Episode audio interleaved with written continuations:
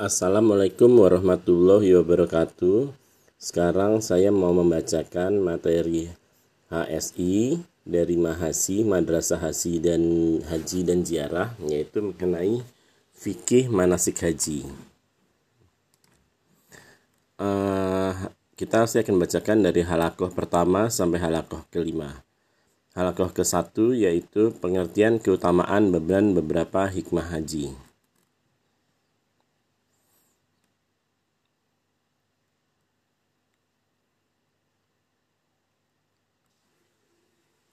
Al-haju dalam bahasa Arab artinya adalah al-qasdu yaitu maksud.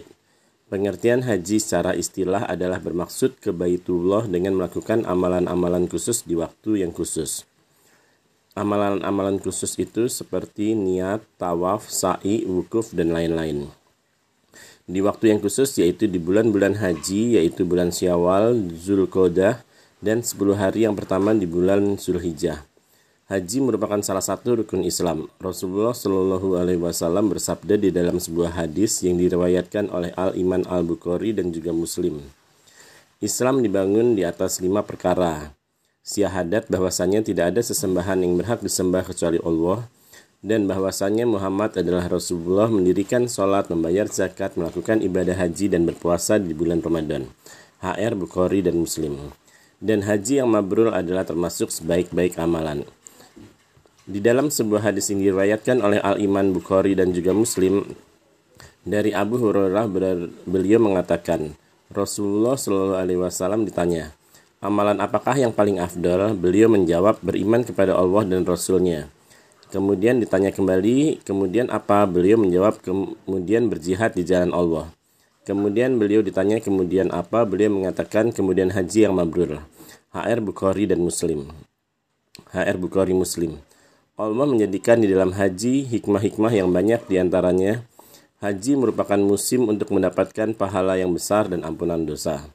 Haji adalah perwujudan ukhuwah Islamiyah dan usaha saling mengenal satu dengan yang lain kaum muslimin dengan asal warna kulit bahasa suku yang berbeda datang di satu tempat dengan tujuan yang satu yaitu menyembah Tuhan yang satu. 3. Haji merupakan madrasah iman yang beriman eh, dan beramal soleh karena seorang jamaah haji di dalam musim haji akan terbiasa melakukan amal soleh, bersabar, mengingat hari akhir ketika manusia dikumpulkan, dan juga mengingat bahwa dunia hanya sementara. 4. Haji juga merupakan musim untuk mendapatkan rezeki dunia bagi banyak orang. 5. Haji adalah kesempatan untuk menimba ilmu dan mengajarkan ilmu kepada orang lain dan untuk berbuat baik kepada sesama. 6. Kemudian di sana ada hikmah-hikmah yang lain dan manfaat-manfaat yang lain. Dan Allah Subhanahu wa taala berfirman, "Hendaklah engkau seru manusia untuk melakukan haji, maka akan datang mereka dengan berjalan kaki dan naik onta dari daerah yang jauh supaya mereka menyaksikan manfaat-manfaat bagi mereka." Uh, surat Al-Hajj 27 sampai 28. Itu adalah halakoh ke satu. Sekarang halakoh kedua yaitu kewajiban haji dan kapan diwajibkan. Haji diwajibkan sekali seumur hidup atas setiap muslim yang memenuhi syarat wajib haji. Allah berfirman, dan kewajiban manusia kepada Allah untuk melaksanakan ibadah haji ke Baitullah yaitu bagi orang-orang yang mampu ke sana dan barang siapa yang mengingkari kewajiban haji maka sesungguhnya Allah Maha Kaya dari seluruh alam. Dari surat Ali Imran 97. Rasulullah Shallallahu alaihi wasallam bersabda ketika ditanya malaikat Jibril tentang Islam. Engkau bersaksi bahwa tidak ada sesembahan yang berhak disembah kecuali Allah dan bahwa Muhammad adalah Rasulullah. Mendirikan sholat, membayar zakat, berpuasa di bulan Ramadan dan engkau berhaji ke Baitullah apabila engkau mampu menuju ke sana. HR Muslim dari Ibn Umar Ibnu Khattab radhiyallahu anhu. Abu Hurairah radhiyallahu anhu menceritakan Rasulullah shallallahu alaihi wasallam berkhutbah dan berkata, "Wahai manusia, telah diwajibkan haji atas kalian, maka berhajilah."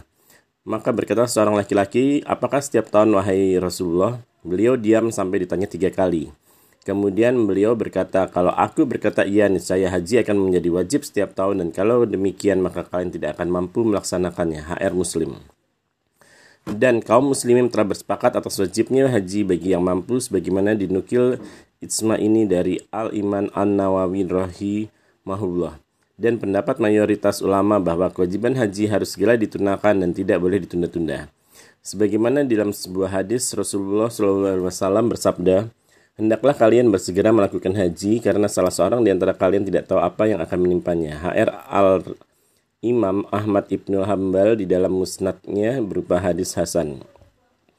Sebagian ulama berpendapat bahwa haji diwajibkan atas kaum muslimin di tahun ke-9 Hijriah. Di antara alasannya karena ayat tentang kewajiban haji ada di dalam surat Ali Imran dan awal surat Ali Imran diturunkan pada tahun datangnya para utusan kabilah-kabilah kepada Nabi Shallallahu Alaihi Wasallam yaitu pada tahun ke-9 Hijriah.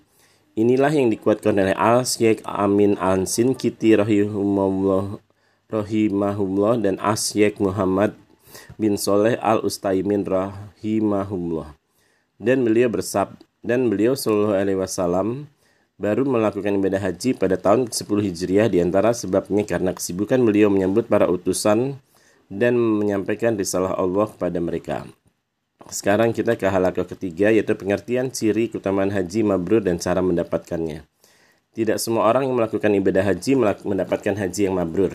Haji yang mabrur adalah haji yang seseorang mendapatkan pahala yang besar di dalamnya. Dan ciri haji yang mabrur, haji tersebut membawa perubahan pada dirinya kepada yang lebih baik di antara keutamaan haji yang mabrur. Balasan surga bagi orang mendapatkannya. Rasulullah SAW bersabda, dan haji mabrur tidak ada alasan baginya kecuali surga. HR Al-Bukhari and Muslim. Diampuni dosa-dosanya.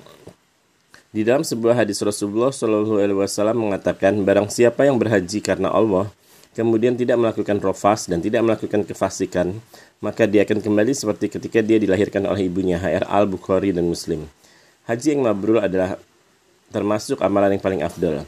Rasulullah Shallallahu Alaihi Wasallam pernah ditanya tentang amalan apa yang paling afdal. Beliau berkata, beriman kepada Allah dan Rasulnya. Kemudian ditanya, beliau ditanya, kemudian apa beliau menjawab jihad di jalan Allah? Beliau ditanya kembali, kemudian apa beliau menjawab haji yang mabrur. HR Al-Bukhari dan Muslim. Cara untuk mendapatkan haji yang mabrur di antaranya adalah ikhlas, yaitu mengharap pahala dari al dari Allah Azza wa Jal. Allah berfirman, dan hendaklah kalian menyempurnakan haji dan umrah karena Allah. Surat Al-Baqarah 196 dan dalam hadis Qudsi Allah Subhanahu wa taala berkata, Aku adalah zat yang paling tidak butuh dengan sekutu. Barang siapa yang mengamalkan sebuah amalan, dia menyebutkan aku di dalam amalan tersebut, maka aku tinggalkan dia dan sekutunya HR Muslim. Maksud Allah meningkatkan dia dan sekutunya adalah Allah tidak memberikan pahala kepadanya. Oleh karena itu, seorang calon jemaah haji hendaknya memohon kepada Allah supaya dimudahkan untuk ikhlas dalam beramal, menjauhi ria ingin dipuji dan sum'ah ingin didengar, atau ingin lebih dihormati oleh masyarakatnya, atau ingin dipanggil Pak Haji Bu Haji karena ini semua bisa menjadi sebab ketidakmabruran haji seseorang. Mengikuti sunnah Rasulullah Shallallahu Alaihi Wasallam di dalam ibadah haji. Rasulullah Shallallahu Alaihi Wasallam bersabda, Hendaklah kalian mengambil dari manasik kalian karena sesungguhnya aku tidak tahu mungkin aku tidak haji lagi setelah hajiku ini. HR Muslim. Oleh karena itu, hendaklah seorang calon jemaah haji bersungguh-sungguh di dalam mempelajari tata cara haji Nabi Shallallahu Alaihi Wasallam yang berdasarkan dalil yang sahih dan pemahaman yang benar dan mengamalkan supaya mendapatkan haji yang mabrur. Tiga, tidak melakukan kemaksiatan dan pelanggaran. Nabi Shallallahu Alaihi Wasallam bersabda, Barang siapa yang berhaji karena Allah, kemudian dia tidak melakukan rofas dan tidak melakukan kefasikan, maka dia akan kembali seperti ketika dilahirkan oleh ibunya. HR Al-Bukhari dan Muslim.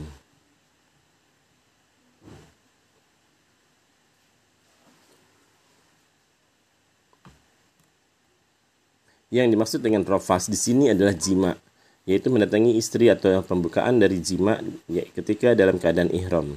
Dan yang dimaksud dengan kefasikan adalah kemaksiatan. Oleh karenanya seorang jemaah haji hendaknya menjaga hati, lisan, dan anggota badannya dari perbuatan maksiat, takut kepada Allah di mana pun dia berada dan apabila dia melakukan kemaksiatan maka hendaknya bersegera bertobat kepada Allah dengan tobat yang nasuha dan menjaga larangan-larangan ketika ihram. 4. Berakhlak yang baik kepada orang lain. Di antara memberi makanan kepada orang lain, menyebarkan salam, memperbaiki tutur katanya, dan lain-lain. Nabi Shallallahu Alaihi Wasallam bersabda ketika ditanya oleh para sahabat tentang haji yang mabrur, memberi makan dan menyebarkan salam di dalam riwayat yang lain, beliau mengatakan, memberi makan dan ucapan yang baik. HR Ahmad di dalam musnadnya dan Al Hakim di dalam Al Mustadrak dan dihasankan oleh Sia Al Abani Rohimahullah. 5. Menggunakan harta yang halal. Wajib bagi seorang muslim menggunakan harta yang halal supaya hajinya menjadi haji yang mabrur. Rasulullah Shallallahu Alaihi Wasallam bersabda, Wahai manusia, sesungguhnya Allah itu maha baik, tidak menerima kecuali yang baik. HR Muslim. 6. Memperbanyak mengingat Allah dalam rangkaian ibadah hajinya. Hendaknya seorang jamaah wajib haji mengisi waktunya dengan memperbanyak zikrullah, yaitu mengingat Allah dengan hati dan lisannya, mengingat keagungannya, keesaannya, kekuasaannya, dan tidak menyia-nyiakan wasa ibadah haji yang sebentar ini dengan pekerjaan yang sia-sia dan tidak bermanfaat. Semoga Allah Subhanahu wa taala memudahkan Bapak Ibu sekalian untuk mendapatkan haji yang mabrur. Sekarang ke halakoh keempat yaitu syarat-syarat wajib haji. Syarat-syarat wajib haji adalah perkara-perkara yang apabila terpenuhi pada diri seseorang maka dia diwajibkan untuk melakukan ibadah haji. Syarat-syarat wajib haji ada lima yaitu satu Islam. Orang yang kafir tidak diperintah untuk berhaji sehingga dia masuk ke dalam agama Islam. Seandainya dia berhaji sebelum masuk Islam, maka hajinya tidak diterima. Allah berfirman, dan kami akan mendatangi apa yang mereka amalkan berupa amalan, kemudian kami jadikan amalan tersebut debu yang berterbangan. Al-Furqan 23 2. Berakal. Orang yang gila tidak diwajibkan untuk berhaji. Seandainya dia berhaji dan dalam keadaan tidak berakal, maka hajinya tidak sah. Rasulullah Shallallahu Alaihi Wasallam bersabda, diangkat pena dari tiga orang dan orang yang tidur sampai dia bangun dari anak kecil sampai dewasa, dari orang gila sampai dia berakal. HR Abu Dawud dan At-Tirmizi dari Ali ibnu Ali Thalib radhiyallahu anhu sohih. Balik atau dewasa. Seorang yang belum balik maka dia tidak diwajibkan melakukan haji. Seandainya dia berhaji ketika masih kecil maka hajinya sah. Dan orang yang menghajikan orang tuanya misalnya mendapatkan pahala tapi haji ini belum menggugurkan kewajiban haji. Apabila dia dewasa dan terpenuhi syarat wajib yang lain, maka diwajibkan untuk melakukan ibadah haji. Di dalam hadis Ibnu Abbas radhiyallahu anhu disebutkan bahwa seorang wanita mengangkat anaknya dan berkata kepada Rasulullah shallallahu alaihi wasallam, "Wahai Rasulullah, apakah anak ini boleh berhaji?" Beliau menjawab, "Iya boleh dan kamu mendapat pahala." HR Muslim. Rasulullah shallallahu alaihi wasallam bersabda, Anak kecil mana saja yang dihajikan keluarganya dalam keadaan masih kecil kemudian dewasa, maka wajib baginya melakukan haji orang dewasa. HR Ibnu Abi Syaibah dengan sianat sohi dari Ibnu Abbas radhiyallahu anhuma. Merdeka. Seorang budak atau hamba sahaya tidak wajib melakukan ibadah haji. Seandainya dia berhaji ketika masih sebagai budak, maka hajinya sah. Tapi belum menggugurkan kewajiban apabila kelak merdeka dan terpenuhi syarat wajib yang lain, maka dia diwajibkan untuk melakukan ibadah haji. Rasulullah Shallallahu Alaihi Wasallam bersabda, hamba sahaya mana saja yang dihajikan oleh keluarganya, kemudian dimerdekakan, maka wajib baginya melakukan haji. HR Ibnu Abi Syaibah dengan sianat sohih. 5. Memiliki kemampuan badan dan harta sekaligus. Orang yang mampu fisiknya dan tidak mampu hartanya maka tidak diwajibkan untuk berhaji. Demikian pula sebaliknya, orang yang mampu hartanya tetapi tidak mampu fisiknya maka tidak mampu diwajibkan untuk berhaji sampai mampu baik fisiknya maupun hartanya. Allah berfirman, dan kewajiban manusia untuk melaksanakan ibadah haji ke, ke Baitullah yaitu bagi orang-orang yang mampu ke sana. Ali Imran 97. Apabila seseorang makmu hartanya tetapi tidak mampu fisiknya secara terus-menerus misal karena tua renta atau sakit yang tidak diharapkan kesembuhannya, menurut dokter yang terpercaya maka dia mewakilkan hajinya kepada orang lain. Dari Abu Rajin al-Uqawili radhiyallahu anhu beliau datang kepada Nabi Shallallahu alaihi wasallam seraya berkata, Ya Rasulullah, sesungguhnya bapakku sudah tua tidak bisa haji, tidak bisa umroh dan tidak bisa bepergian. Maka Nabi Shallallahu Alaihi Wasallam bersabda, berhajilah untuk bapakmu dan umrohlah untuk bapakmu. HR Abu Dawud, At-Tirmisi, An-Nasai, dan Ad-Nuajah, Sohih. Apabila kelima syarat ini terpenuhi pada diri seseorang, maka dia diwajibkan untuk melakukan ibadah haji dan bersegera untuk melakukannya. Namun apabila salah satu atau lebih dari syarat-syarat wajib haji di atas tidak ada pada diri seseorang, maka dia tidak diwajibkan untuk melakukan ibadah haji. Sekarang yang kelima yaitu mahram wanita ketika haji.